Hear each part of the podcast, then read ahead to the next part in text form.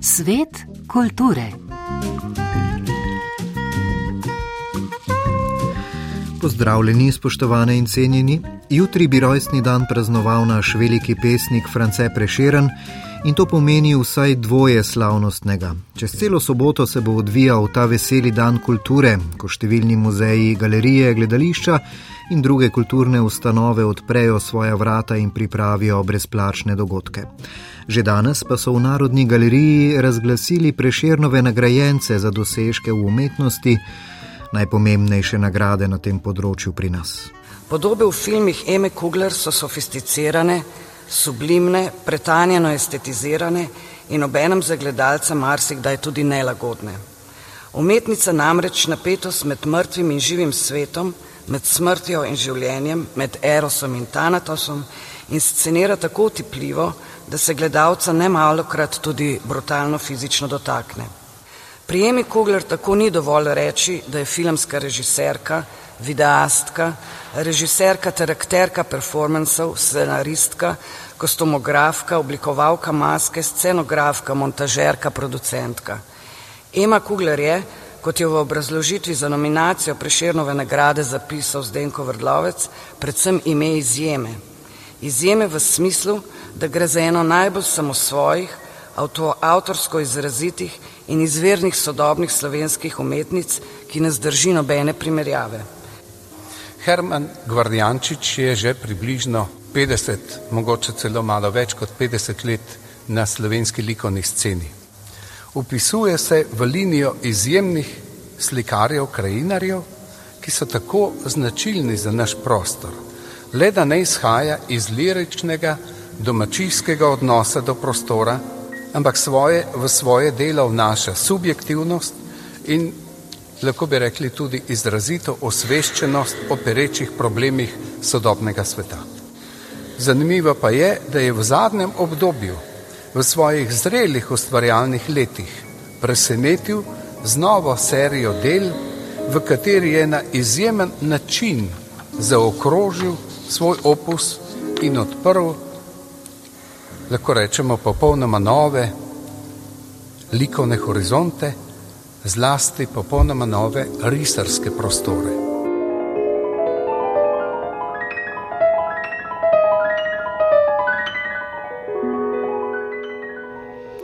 Tako sta v odlomkih članica upravnega odbora Ženja Lejler Kos in predsednik Jožef Muhovič prebrala v temeljitvi nagrad za življensko delo, ki so ju namenili akademskemu slikarju Hermanu Gvardjančiču in multidisciplinarni umetnici Emi Kugler. Nagrade Preširnovega sklada prejmejo pisatelj in novinar Dušan Jelinčič, skladatelj Drago Ivanuša, pianist Aleksandr Gađijev, akademski slikar Nikolaj Ber, filmski režiser in scenarist Matej Žluzar in arhitekturni atelje Med Prostor. Vse nagrade bodo podelili na državni proslavi na predvečer slovenskega kulturnega praznika 8. februarja. Tako, zdaj pa v gledališče.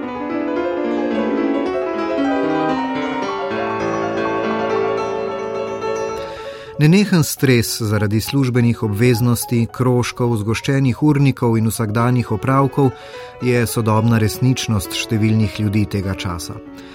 SNG drama Ljubljana decembrsko vzdušje odpira prav z družinsko dramo Kako je padlo drevo, v kateri družinski člani in članice zaradi lastne preobremenjenosti skoraj spregledajo spreminjanje narave in urbanega sveta okoli sebe. Ustvarjalni tandem, ki ga sestavljata režiser Žiga Divjak in dramaturginja Katarina Morano, v prizoritvi Kako je padlo drevo, tematizira odgovornost posameznikov in posameznic do okolja, v katerem preživljamo svoj vsakdan. Pripoved spremlja življenje družinskih članov, ki se v množici opravkov ustavijo šele, ko ugotovijo, da bo mestna oblast podrla park pred njihovim blokom in tam zgradila luksuzna stanovanja. Avtorica drame in dramaturginja Katarina Morano pojasni, na kaj drama opozarja prav s podobo drevesa. Neka podstat, kar se tudi mogoče mi dva želela povedati, ko govorimo tudi o drevesih, kako drevesa med sabo sodelujejo. Ne potegnemo ločnice tudi med tem, da tudi ljudje med sabo sodelujemo in koliko je to nujno. Ne? In tudi recimo na primeru naše družine, kjer je vsak eh, lahko izgubljen mogoče v, v svojem urniku in v svoji naglici, se mogoče v nečem takem pa združijo in sodelujejo. Ne?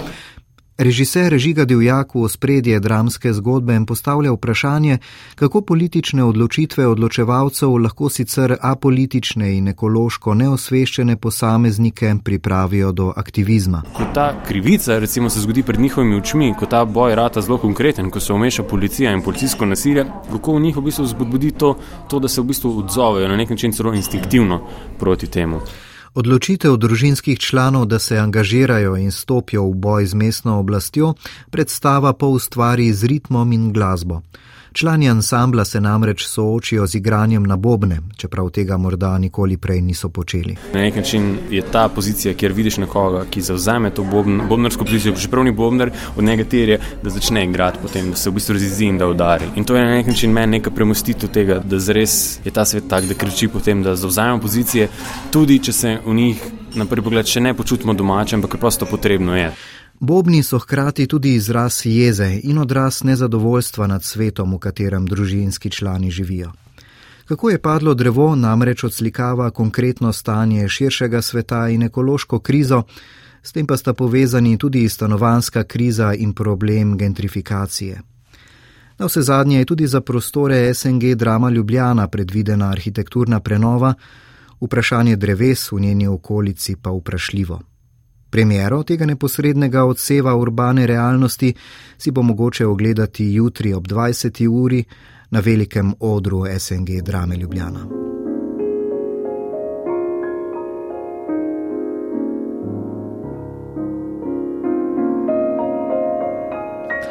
Na malem odru slovenskega narodnega gledališča Nova Gorica pa bo jutri zvečer ob 20. premjerno zaživela distopična igra Nenadoma rekam srpskega dramatika in dramaturga Dimitrija Kokanova.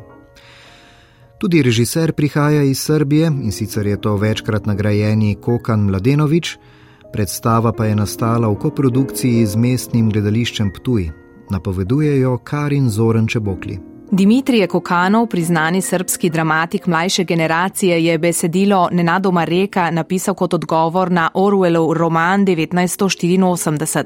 Delo je razdeljeno na tri dele. V prvem obravnava pretekle totalitarizme, v drugem sodobne, tretji del pa je distopična vizija prihodnosti.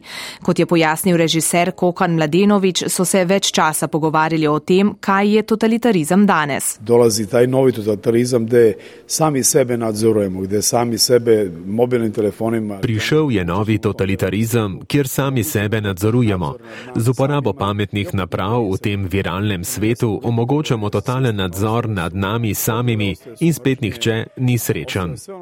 Spremenila se je politika, spremenil sistem, ostale pa so delitve in sovraštvo.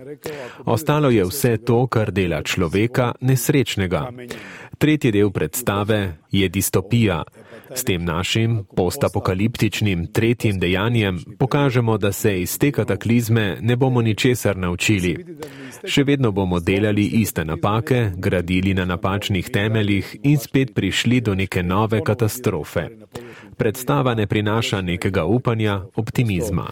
Predstava ne, ne nudi baš neku veliku nadu in neki optimizem. Asistentko režiserja in dramaturginjo Terezo Gregorič je pri tem projektu najbolj intrigirala dostopnost do informacij. Družba jemlje pač ta dostopnost informacij kot nek pomemben doprinos družbi, to je nam pač nam je vsem jasno. Z drugega vidika pa je to tudi neke vrste pekel, se lahko vsako jutro pogledaš in vidiš grozote tega sveta.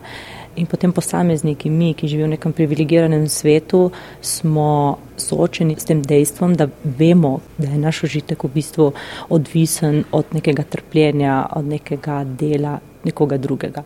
V prizoritvi bodo zaigrali Tamara Augustini in Nuša Kodelja kot gostje, Žiga Saksida, Urška Taufer, Žiga Udir in Jure Kopušar, ki je o predstavi povedal. Vesel sem, da je prišlo do tega, da imamo tekst, s katerim opozarjamo na zelo resen način, zelo ostro, brez olepševanj zadeve, ki se pač dogajajo danes okrog nas. Bom rekel, kar sranje, ki se dogaja okrog nas, ker dejansko, če dobro pomislimo, no, zavedno ali pa nezavedno se to dogaja in temu ne moramo uiti. In ta predstava govori direktno o tem. No. In nagovarja publiko, in upam, da bodo tudi se zamislili, mogoče ukrepali, mogoče ne bojo samo eh, zapirali oči in čakali, da mine. Dimitrije Kokanov se bo z jutrišnjo uprizoritvijo prvič predstavil slovenskemu občinstvu.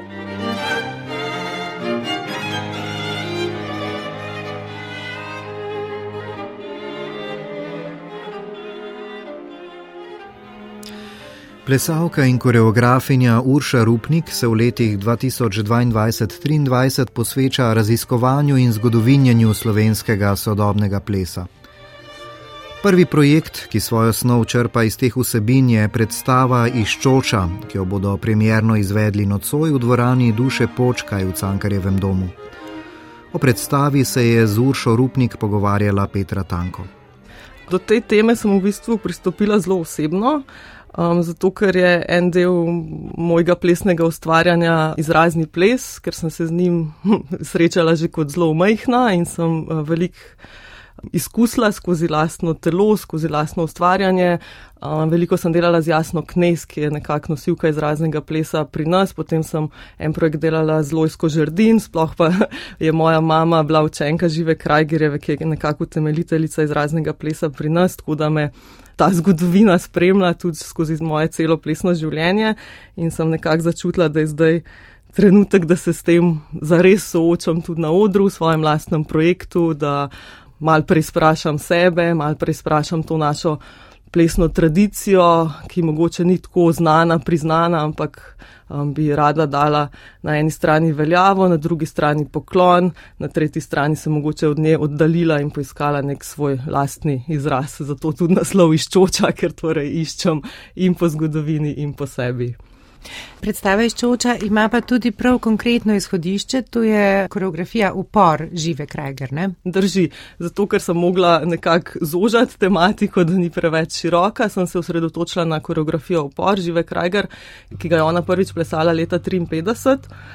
Ta ples je potem dolga leta plesala Jasna Knes in na zadnje ga je na, Jasna naučila mene, tako da sem jaz tudi nekako nosilka tega plesa, te dediščine, te zgodovine. In zato sem tudi rekla, da vzamem za izhodišče upor, da poiščem sami motiviki, plesno-gibalni motiviki, ki je to lahko moj upor in seveda na drugi strani tudi na vsebinski ravni, ki je v tem času iščemo upor, pa ki je pri sama pri sebi iščem zelo osebne upore in kako to sodelavci potem tudi um, dati na oder. Sodelavci na projektu pa so Maša Kagok Knes, ki je nekako samo umevno, da je z mano v tem projektu, zato ker je ona hčerka jasne Knes in nekako to pot iz raznega plesa hodva skupaj. O tem veliko govoriva, se veliko pogovarjava in mogoče bi zdaj moment, da to tudi skupaj postava na oder. Potem Dalanda Djalo, ona je bila učenka uh, moje mame Vilme Rupnik. Potem Luka Ostraž, plesalc mlajše generacije, ki v bistvu s to tradicijo nima veliko povezave, kar je na eni strani zelo super, ker lahko mal z distance pogleda, stopen korak nazaj in ni tako zelo čustveno upleten, tako da je tudi njegov prispevek zelo dobrodošel in kvaliteten. To je plesalska zasedba, potem pa imam um, še dva glasbenika, Davida Nika Lipovca in Davida Kocmurja, ki sta v bistvu v proces vstopila hkrati z nami, s tem, da sta tudi one dva črpala iz originalne glasbe za upor, ki jo je skomponiral Vilko Ukmar, katere glavna motivika je Bilečanka, tako da sta one dva tudi to glasbo preštudirala, videla, kaj lahko njiju navdahne za bolj sodobno različico ali pa kako se one dva lahko skozi svoj glasbeni jezik izrazita z uporabo te motivike originalne. Pred nocojšnjo premjero bo v Cankarjevem domu tudi prvi dogodek v ciklu dogodkov zgodovinjanje plesa, ki bo potekal kot interaktivna diskusija in bo v središče postavila znamenito koreografijo Žive Krajger Upor. Sodelovale bodo plesalke Bara Kolenc, Vilma Rupnik in Jasna Knes, moderira Andreja Kopač.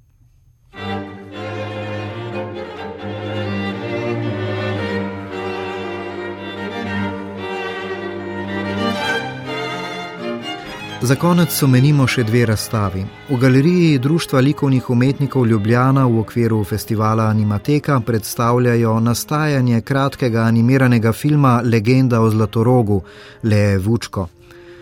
Likovno podobo je z več kot deset tisoč sličicami zasnovala v izgledu slikanja z oljnimi barvami na steklo. Za ta namen je ustvarila lastne digitalne čopiče. 14 minut dolg film je nastajal 4 leta. V likovnem salonu Kočevje pa si lahko ogledate razstavo Plenjenje prostora prek murskega slikarja Zdenka Huzjana. Njegovo ustvarjanje je, kot so zapisali, močno zaznamovano z dogodki iz preteklosti, katerim se vedno znova vrača in jih kot sanje ali podobe iz podzavesti odslikava na platna. Slikar na neki način pleni likovni prostor, človeške figure, zarodki, živali in objekti plenijo prostor nedefinirane imaginarne likovne površine.